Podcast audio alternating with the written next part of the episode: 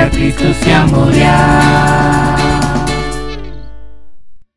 Ya, halo, apa kabar semuanya? Selamat kembali lagi kita ketemu di podcast Bukan Sembarang Pekerja dan selamat tahun baru buat semuanya.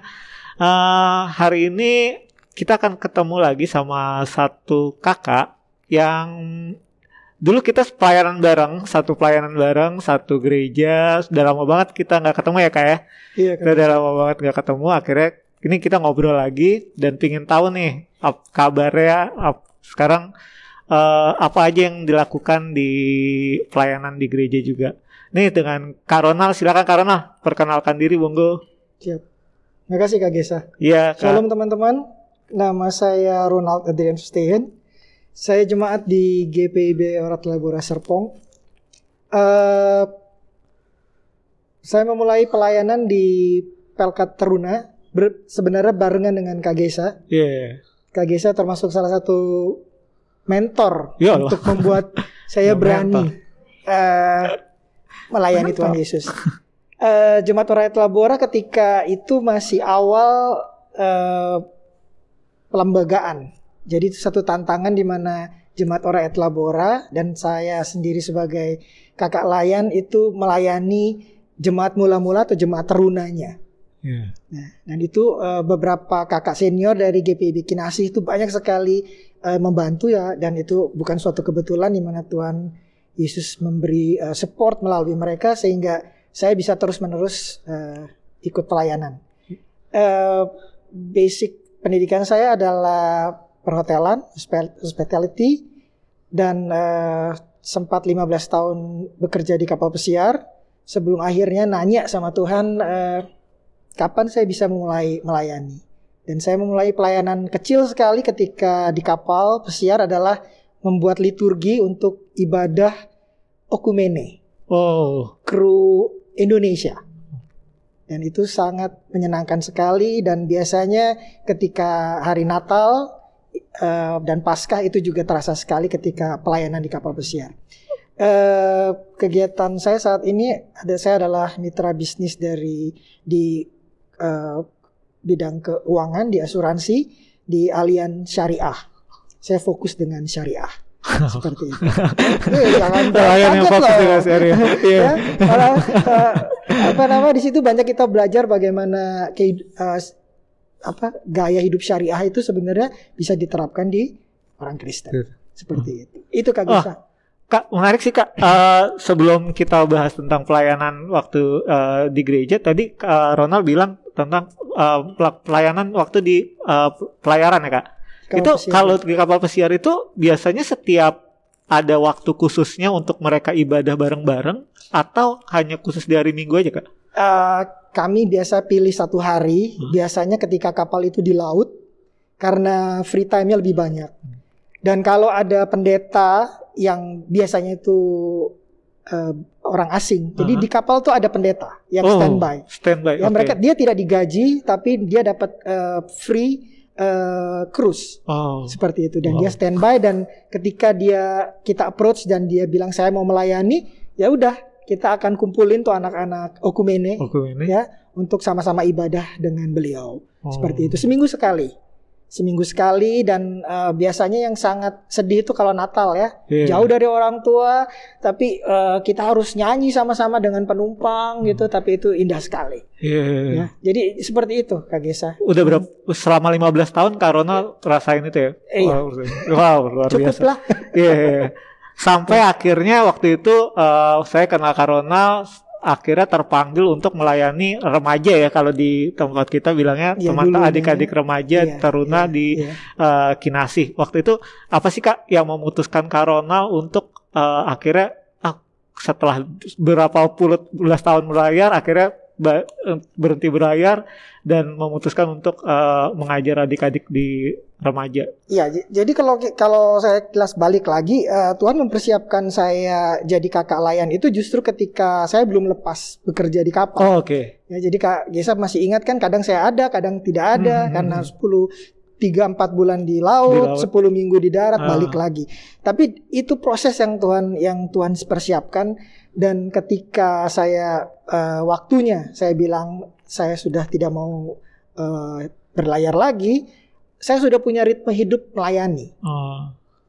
Dan itu yang tadi saya bilang kenapa Tuhan kirim orang untuk mendampingi, untuk mempersiapkan karena tidak mungkin kalau menurut saya ketika kita bilang saya mau melayani Tuhan satu kali 24 jam itu terjadi. Tapi itu proses.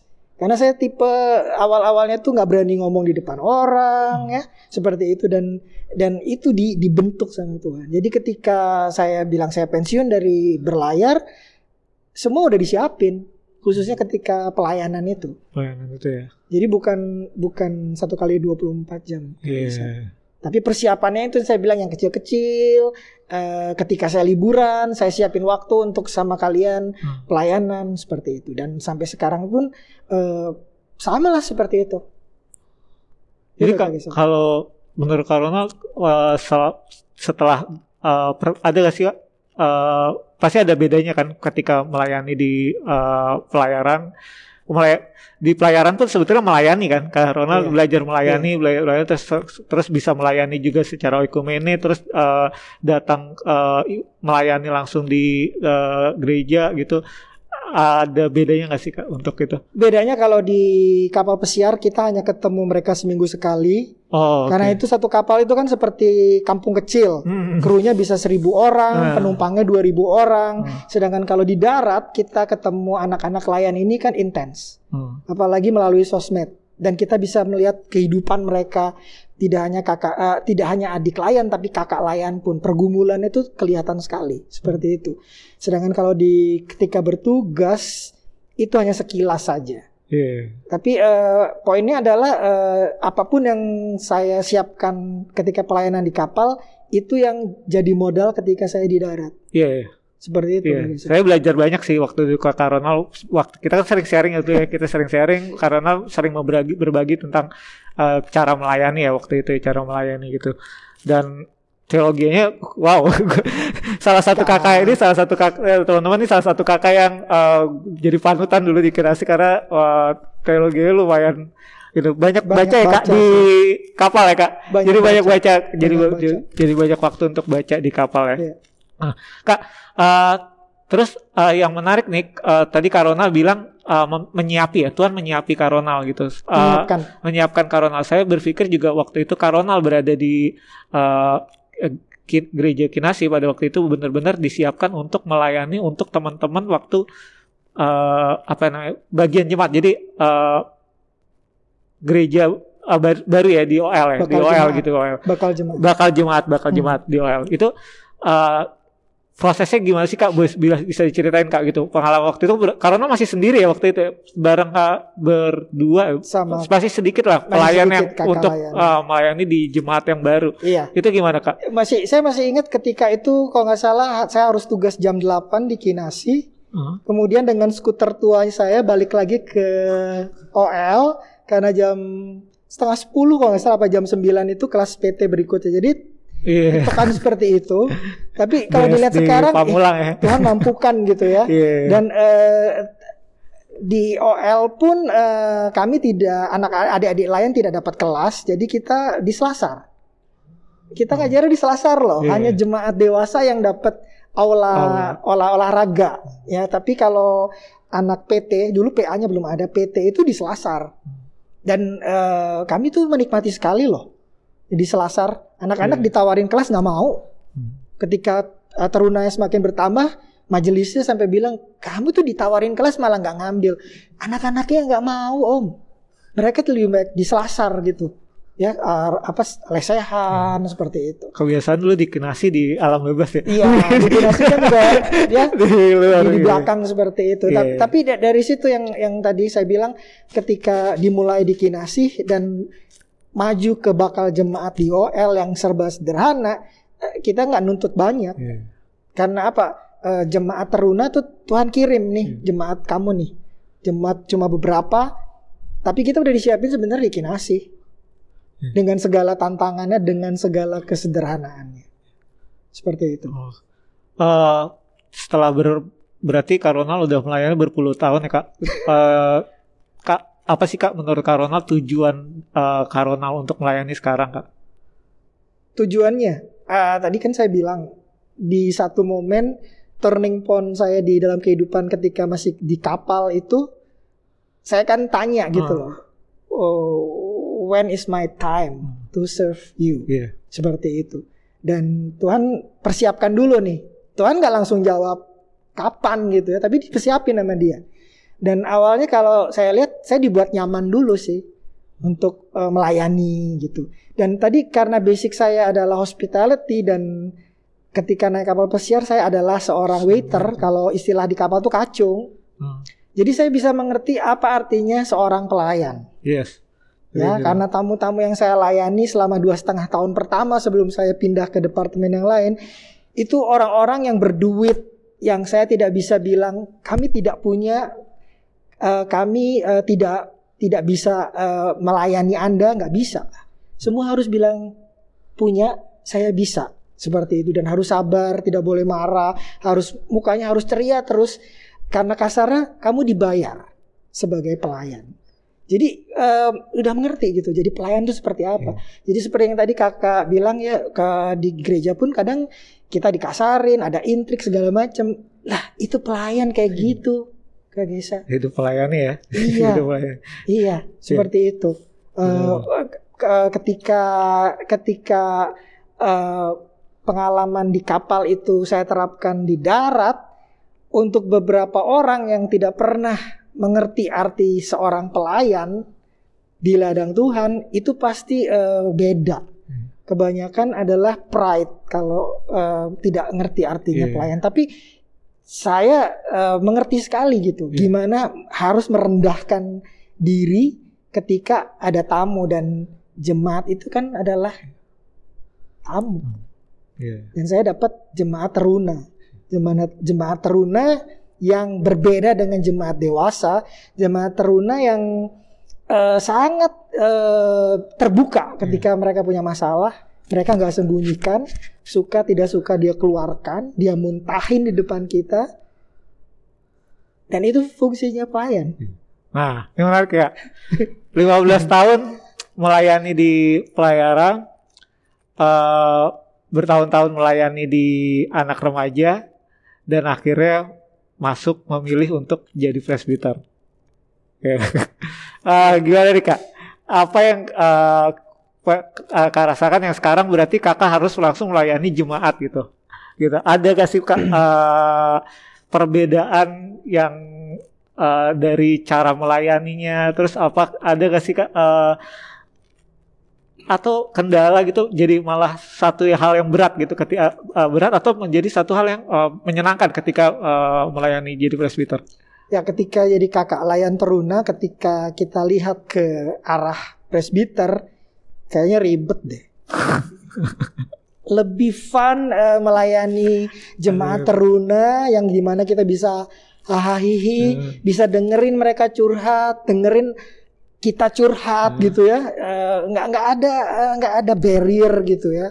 Apalagi s- salah satu program yang menarik di OL adalah be- setiap lima minggu kami bisa ajak mereka ibadah taman, Hmm. naik komuter lain Nah, tahu tahu atau nongkrong di GBK dan dibiayai loh. Hmm.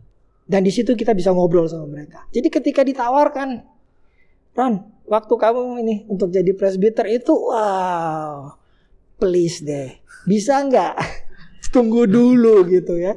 Tapi eh, akhirnya eh, luluh juga, ya luluh juga. Jadi eh, eh, apa namanya, Roh Kudus kasih keberanian untuk ambil deh tanggung jawab itu. Kalau melayaninya sama, guys ya sama ya ya cuma itu. tanggung jawabnya ya harus bawa firman di jemaat dewasa Iya. gitu beda dengan di teruna kemudian saat ini juga saya jadi korsek Hmm. ya seperti itu tapi kembali lagi eh, apa yang Roh Kudus ajarkan saya ketika saya di teruna saya nggak mau rubah Hmm. bagaimana fun eh, mengajar ya. Berdiskusi itu eh, saya rasa saya tidak mau merubah. Sehingga ketika saya misalnya melayani di PKP di pelkat yang lain ya itu saya mau ceria seperti teruna.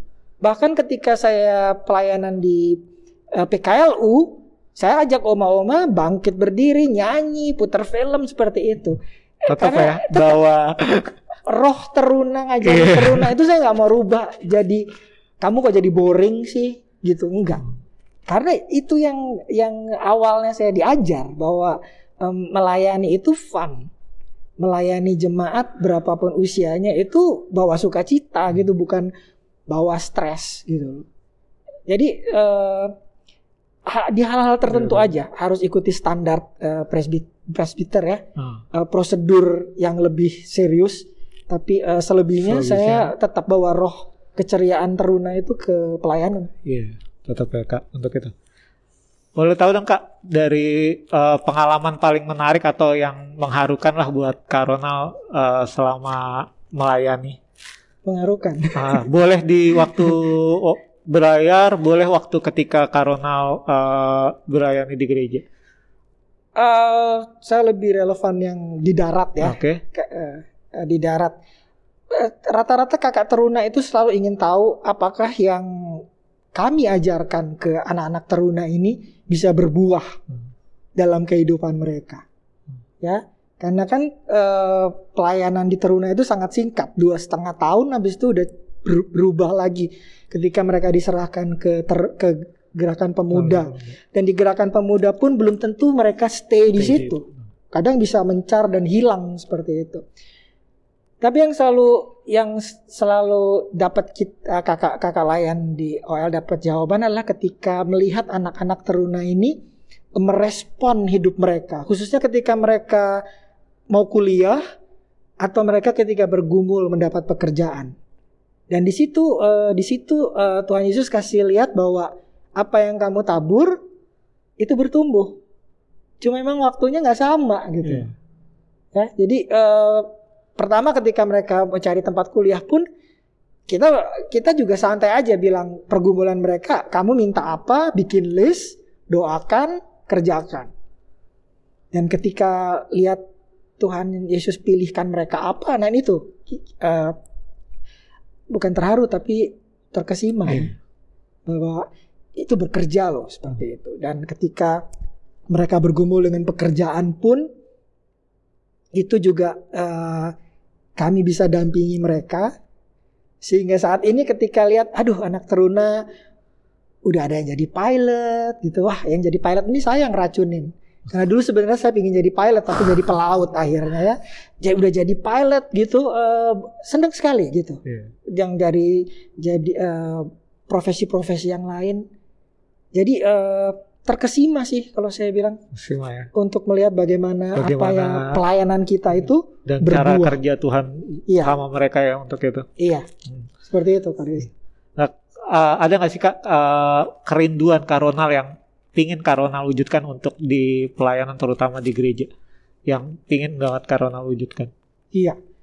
Eh, GPIB termasuk eh, konsep gereja Protestan yang baku banget ya, yang tradisional banget ya. Sedangkan kalau kita lihat anak-anak teruna sekarang itu kan eh, beda banget gitu ya.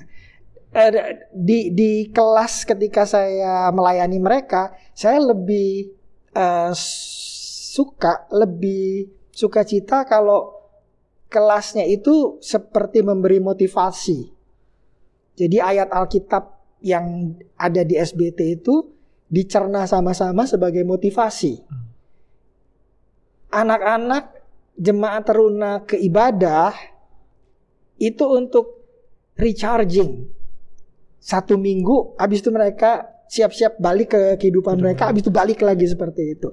Dan energi yang mereka bawa keluar dan kembali itu yang ingin saya lebih eh, rasakan gitu loh. Daripada ibadahnya biasa aja. Dan eh, pengajaran di Teruna lebih mungkin ke depannya harus lebih tentang motivasi. Jadi Untuk remaja ya. setelah kita diselamatkan, what what's next? Hmm. Kita kita dapat apa? Kita bisa bikin apa? Karena ada pengajaran sekarang yang hanya mengajarkan tentang keselamatan, keselamatan, keselamatan. Keselamatan udah dapat. Hmm. Tapi bagaimana kita survive dari hari Senin sampai hari Sabtu Pelayanan sesungguhnya ya. itu gimana caranya? Hmm. Dengan sebagai seorang pelajar. Iya. Kemudian sekarang pun anak-anak udah pada ribut gimana cari duit tambahan. Berarti di otaknya mereka udah berbeda lagi dengan anak-anak biasa. Tapi how to survive setiap hari itu dari firman Tuhan yang kita share sama mereka. Dan itu harus harus benar-benar dipelajari oleh uh, kakak-kakak layan untuk mentransformasikan itu. Oke oke oke. Berat ya? Satu kak, mana kak? Benar benar benar benar. Oh ya, belum nih kak. Uh, kak ini kak uh, kali kata-kata kata-kata motivasi sih kak. Kita butuh kakak motivasi buat teman-teman kita yang remaja, teman-teman kita yang uh, teman-teman kita yang ya mendengarkan lah di ini di podcast ini. Kira-kira ya. apa yang kak uh, Karona ingin sampaikan? uh, beberapa hari lalu uh, saya dapat tulisan di renungan dan ini kayaknya bagus banget. Uh, cuma mengatakan begini, kita tidak dapat berubah dengan kebetulan, tapi kita harus memilih untuk berubah. Kita, Jadi kalau kita mau, kita nggak kebetulan dirubah, tapi kita harus milih mau berubah atau enggak. Dan itu setiap dari kita yang uh, merespon panggilan Tuhan untuk melayani di manajemennya hmm. harus lakukan itu. Oh, mantap. Mantap Ronald. Aduh, terima kasih Ronald. Kita udah ngobrol-ngobrolnya, ada sharing-sharingnya. Terima Tetap kasih, uh, setia melayani, sehat-sehat selalu ya Kak untuk ini dan salam buat teman-teman juga Sukses di, dengan podcastnya juga. Iya, salam juga buat teman-teman di GPIB Ora et Labora. Ya, teman-teman terima kasih sudah mendengarkan uh, podcast ini dan kita akan ketemu lagi setiap hari Selasa, Selasa jam 6 sore, jam 6 sore untuk yang dia akan posting di podcast uh, bukan sembarang pekerja. Terima kasih, sampai ketemu lagi teman-teman.